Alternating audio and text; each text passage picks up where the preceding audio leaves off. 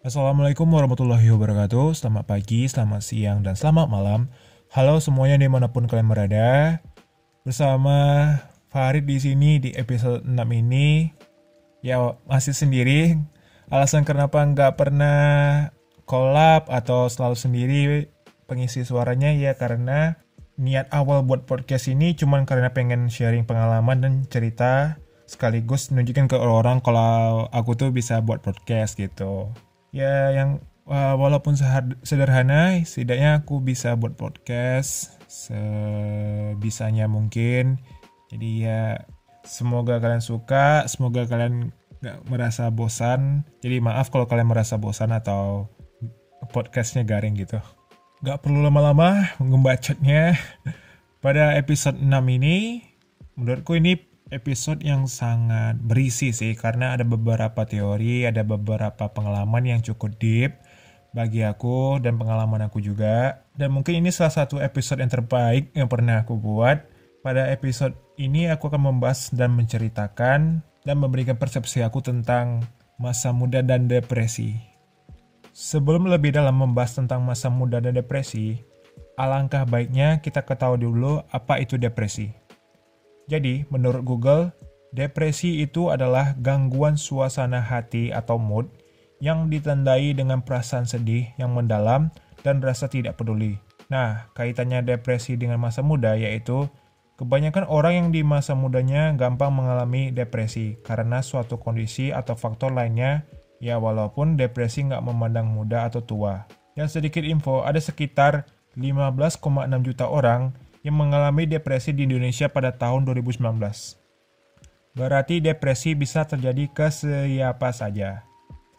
Aku mau tanya ke kalian, boleh nggak sih kita mengakui kalau kita pernah mengalami depresi tanpa adanya surat atau surat dari dokter atau surat untuk melakukan pengobatan dari dokter atau apa pun itu yang mengklaim kalau kita mengalami depresi.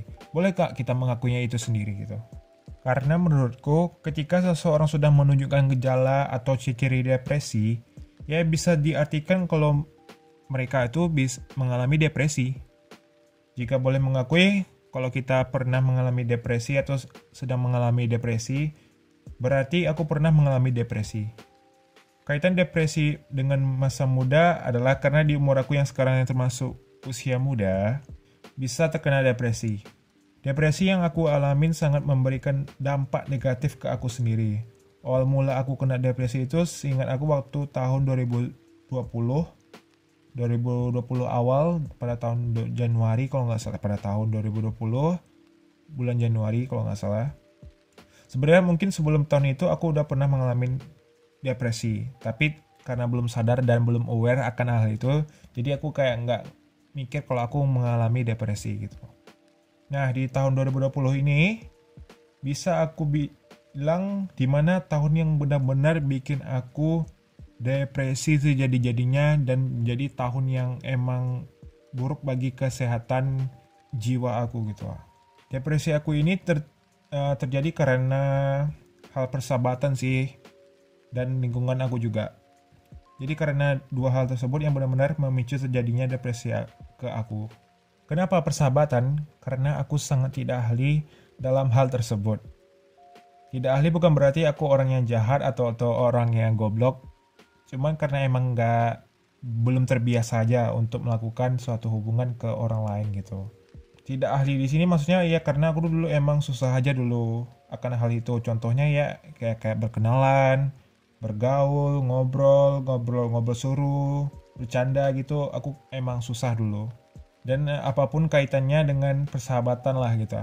Dari SD aku emang susah untuk berteman dari dengan orang yang sebaya dengan aku waktu SD aku lebih sering dianggap budak daripada dianggap teman ya di kalangan teman-teman aku sendiri. Walaupun aku menganggap mereka itu teman tapi mereka menganggap aku budak karena mereka ngetrit aku tuh kayak kayak kayak suruhan mereka gitu. ah uh, memang selain menjadi muda aku memang dulu emang sering dibully waktu SD jadi kayak bahan bahan ejekan secara verbal ataupun fisik itu pernah aku dilaku, dilecehkan gitu pernah juga dulu waktu SD uh, emang SD itu emang aku dulunya orangnya penakut gitu. Makanya aku mungkin jadi target enak lah bagi orang-orang yang badan yang besar atau pemberani gitu lah dan menurutku kebanyakan orang yang di sekitar aku dulu termasuk orang yang emang bukan baik bagi aku untuk yang bukan baik untuk diajak berteman gitu. Aku dulu cuma berteman sama waktu SD itu cuma beberapa orang ada lima mungkin kurang dari lima malahan yang emang aku anggap sebagai teman dulu. Jadi waktu SD aku emang mainnya sama mereka terus nggak ada per perkembangan secara segi sosial waktu SD Gak mau kepanjangan ceritanya, singkat cerita sampailah aku di masa SMP atau SMA yang menurutku sangat berbeda dari masa SD aku dulu.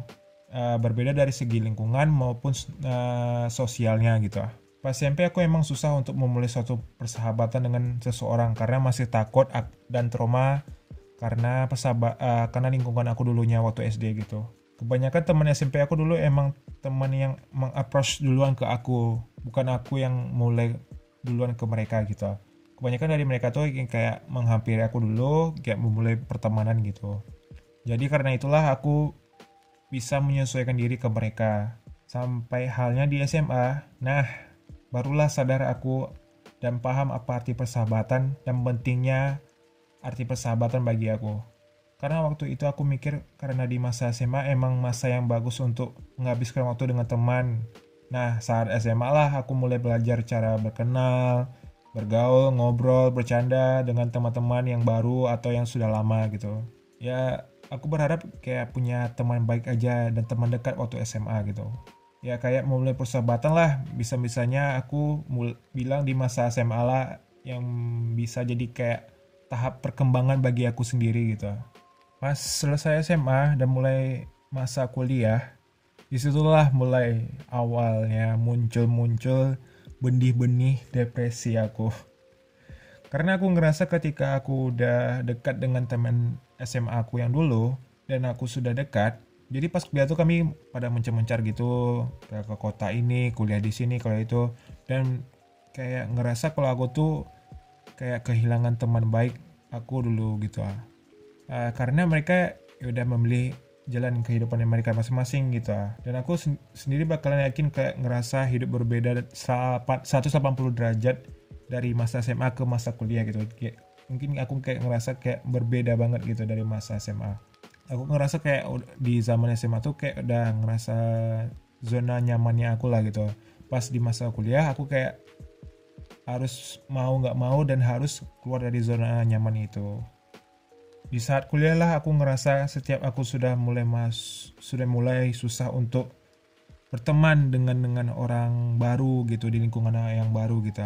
Karena karena udah ngerasa nyaman dengan pertemanan yang sebelumnya di masa SMA gitu. Jadi kayak untuk memulai suatu pertemanan yang baru dan uh, lingkungan yang baru itu susah gitu saat kuliah bukan berarti aku nggak punya teman kuliah. Enggak ya bukan berarti aku nggak punya. Aku punya cuman itu kayak sebatas cuman teman kuliah aja gitu. Bukan teman untuk kayak teman sehari-hari teman main gitu. Ada sih beberapa yang teman yang teman main cuman ada yang beberapa yang nggak jadi teman dekat gitu. Jadi temannya teman teman sekedar teman aja gitu. Uh, jadi hubungan pertemanan aku saat kuliah dengan depresi aku ya semenjak aku kuliah aku selalu merasa kayak kesepian karena karena susahnya kayak memulai suatu pertemanan dengan orang yang baru gitu. Karena aku selalu habisin waktu karena aku selalu habisin waktu sendirian di saat masa kuliah daripada ngumpul atau bergaul dengan teman-teman yang baru gitu. Bahkan juga teman SMA yang kuliah di sini.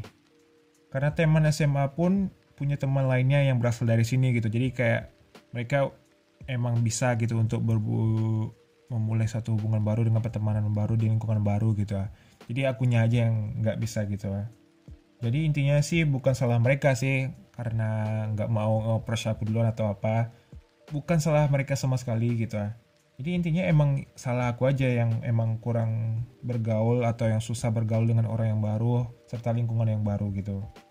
Karena susahnya aku kayak memulai untuk berteman dengan orang baru hal itulah yang membuat aku kepikiran dan bermain dengan pikiran aku sendiri gitu sehingga kayak overthinking dengan hal, akan hal itu gitu.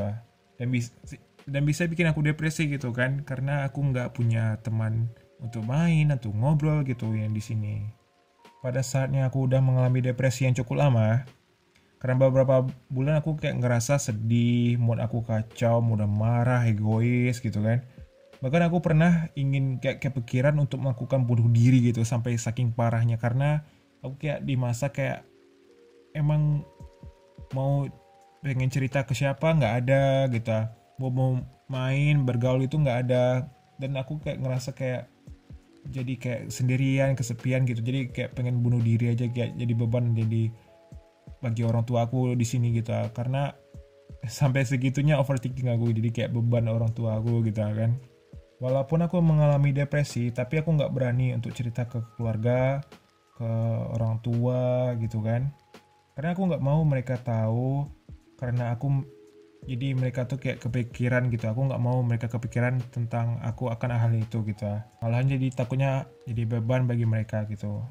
Pada setelah cukup lama aku menahannya ada satu momen yang emang big relief bagi aku. Yaitu waktu itu aku mau ke mau izin. Karena saking parahnya aku kayak mau izin ke orang tua aku kalau aku mau mau pergi ke psikolog untuk untuk berobat secara kesehatan mental aku dan jiwaku gitu kan. Nah waktu itu orang tua aku kaget karena sebelumnya mereka nggak tahu kenapa aku tiba-tiba minta izin ke pergi ke psikolog gitu karena mereka nggak tahu alasannya gitu kan. Nah, pada akhirnya orang tua aku nanya kan, emang kenapa sampai pergi ke psikolog, kenapa kamu gitu kan. Nah pada saat itulah aku berani kayak akhirnya berani untuk cerita ke orang tua aku kalau aku sedang mengalami depresi masa depresi sebelumnya gitu kan. Bahkan sampai aku cerita ke orang tua aku kalau aku pernah berpikiran untuk bunuh diri gitu. Pada saat itu orang tua aku kayak dengar itu tuh ngerasa kayak marah sejadi-jadinya. Karena mereka kayak kesannya kayak jadi orang tua tuh nggak bisa gitu. Karena emang marah ke diri aku gitu kan. Karena kenapa kamu kenapa akunya nggak cerita ke mereka gitu. Sampai-sampainya pergi ke psikolog, uh, ke psikolog gitu kan. Jadi kayak mereka tuh gak ngerasa kayak jadi orang tua yang gagal bagi aku gitu ah. tapi aku nggak ngerasa gitu. Cuman akunya aja yang nggak berani untuk cerita ke mereka gitu karena aku nggak mau jadi itu kepikiran bagi mereka.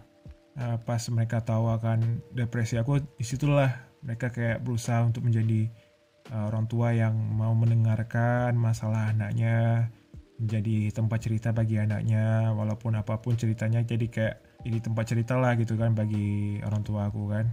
Terus kayak aku ngerasa kalau mereka tuh berusaha untuk ngasih solusi atau sebuah jalan keluar gitu bagi masalahku gitu kan. Ya walaupun sebenarnya nggak belum mengobati uh, masalah depresi aku 100% nggak sepenuhnya berhasil lah gitu mengobati depresi aku. Tapi ya setidaknya aku punya kayak lega yang besar karena telah menahan uh, pengalaman itu dari aku untuk orang tua aku gitu ah. Jadi aku nggak nggak perlu menyembunyiin itu lagi ke orang tua aku. Jadi aku udah lega sebesar sejadi jadinya akan hal itu gitu. Dan oh, epic momennya sih pas mereka dengar kalau aku pernah uh, ingin melakukan bunuh diri terus mereka marah gitu. Jadi emang kayak aku emang merasa situ emang aku bodoh karena bisa kepikiran untuk melakukan bunuh diri, bunuh diri gitu cuma pada saat itu kayak gimana ya kita kayak depresi sejadi-jadinya kayak sedih sejadi-jadinya kacau pikiran gitu kayak pengen hubung uh, pengen akhiri hidup gitu kan pengen bunuh diri gitu kan karena karena nggak mau menga, mau ngerasain akan hal itu gitu kan karena nggak mau ngerasain hal sedih yang sebesar besarnya gitu kan. Makanya kayak aku mikir pengen melakukan bunuh diri gitu Akhirnya setelah mereka tahu semua apa yang aku alami dan apa yang aku rasakan pas depresi, akhirnya mereka mengerti dan berusaha menjadi obat akan depresi aku gitu kan. Walaupun belum mengobati 100%, setidaknya uh, mereka berusaha gitu. Dan aku kayak ngerasa jadi beban aku atau jadi kayak cerita yang aku pendam itu jadi keluar gitu, jadi lega gitu kan. Nah, semenjak akan hal itu akhirnya aku paham dan aku sadar ada beberapa hal yang meng men-trigger depresi aku. Yang aku rasain itu tuh yang pertama kalau aku tuh orangnya ternyata nggak bisa menahan keluh kesah atau ah, mengalami hari yang buruk gitu kan. Karena kalau biasanya kan orang orang-orang kalau misalkan hari buruk cerita ke orang kalau aku nggak kalau aku pendam gitu kan dan aku kayak emang nggak bisa kalau aku orangnya nggak terlalu menahan diri untuk bercerita berkeluh kesah ke siapa pun gitu kan. Dan itulah membuat aku butuh seseorang yang bisa mendengarkan keluh kesah aku cerita aku uh, pengalaman aku apa pun lah itu yang bisa kayak ngobrol gitu lah kan. Dan itu aja udah cukup bagi aku jadi tempat ngobrol aja gitu. Nggak perlu adanya adanya feedback. Jadi tempat cerita aja bagi aku gitu. Karena aku emang mikir kalau aku memang butuh orang kayak gitu kayak jadi tempat bercerita gitu. Jadi tempat keluh kesah. Walaupun aku nya nggak enak sebenarnya jadi kayak terbebani bagi mereka gitu. Walaupun orang yang yang jadi tempat cerita itu yang nggak ada setidaknya aku punya uh, kegiatan lah gitu untuk mengalih perhatikan pikiran aku untuk tidak memikirkan depresi aku gitu ah. Jadi aku punya kegiatan gitu kayak mengalihkan pikiran aku gitu. Oke, yang kedua ya kalau aku tuh orangnya gampang kesepian sih ya. Aku sadar kalau aku orangnya gampang kesepian jadi kayak karena merasa sendiri aku jadi mudah pikir overthinking gitu. Kenapa nggak ada teman yang mau sama aku gitu kan? Kadang kenapa nggak ada yang mau berteman dekat sama aku? Kadang aku mikir sampai gitu gitu ya. Tapi ya itu sih yang aku alamin karena aku mikir kalau aku nggak punya teman pada saat itu gitu susah berteman gitu kan. Jadi nggak ada teman-teman untuk bercerita untuk ngobrol gitu nggak ada untuk main gitu nggak ada. Makanya aku kayak gampang depresi gitu. Ya intinya sih kalau aku tuh emang orangnya butuh orang yang jadi tempat bercerita gitu jadi tempat keluh kesah aku gitu kan. Biar aku nggak merasa kesepian gitu. Jadi ya semenjak aku ngalamin yang namanya depresi sih aku saranin buat kalian untuk selalu jaga kesehatan kalian baik secara uh, jasmani, rohani, mental, jiwa itu. Selalu jaga kesehatan akan hal itu gitu. Dan selalu memenuhi kebutuhan sosial kalian kayak uh, ngobrol, bercerita, bergaul, berkumpul gitu kan kayak nongkrong atau apa gitu kan setidaknya kalian adalah suatu momen untuk kalian saling tukar cerita, ngobrol gitu kan, bersosialisasi gitu. Ya contohnya aku gitu akan akan hal itu aku bisa mengalami depresi gitu karena kekurangannya kesehatan jiwa dan mental aku gitu kan dan kurangnya sosialisasi bagi aku. Jadi aku memikirkan itu sehingga timbulnya depresi bagi aku sendiri gitu. Jadi aku saranin kalian untuk selalu jaga kesehatan jiwa dan mental kalian sih gitu. Ya walaupun sebenarnya bukan itu aja alasannya kenapa terjadi depresi gitu. Dan itu karena pengalaman aku aja sih gitu. Karena akan hal itu aku kena kena depresi gitu. Terus kalau kalian lagi di masa atau di fase depresi sebaiknya ditangani dengan orang yang ahli gitu, yang lebih profesional gitu.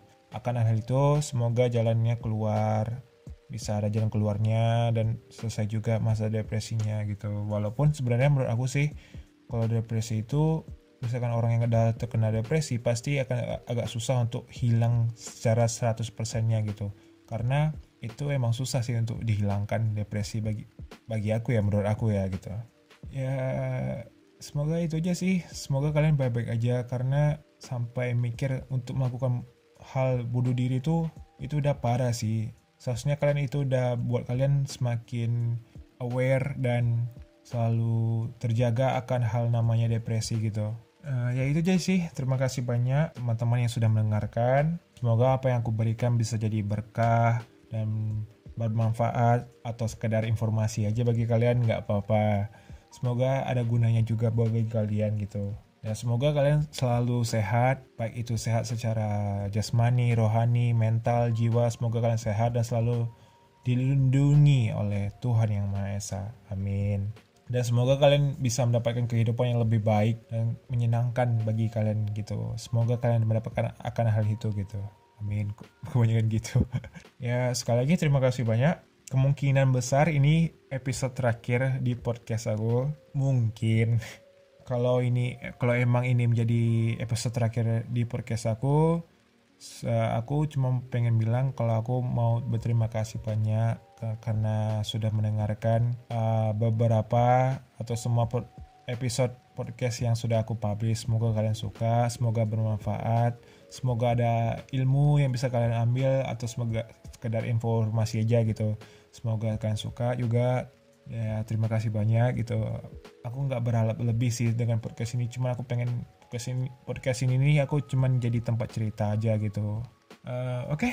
mungkin ini yang terakhir. Saya Farid dari Red Pots. Peace out. Kamsahamnida yorobun. Hai.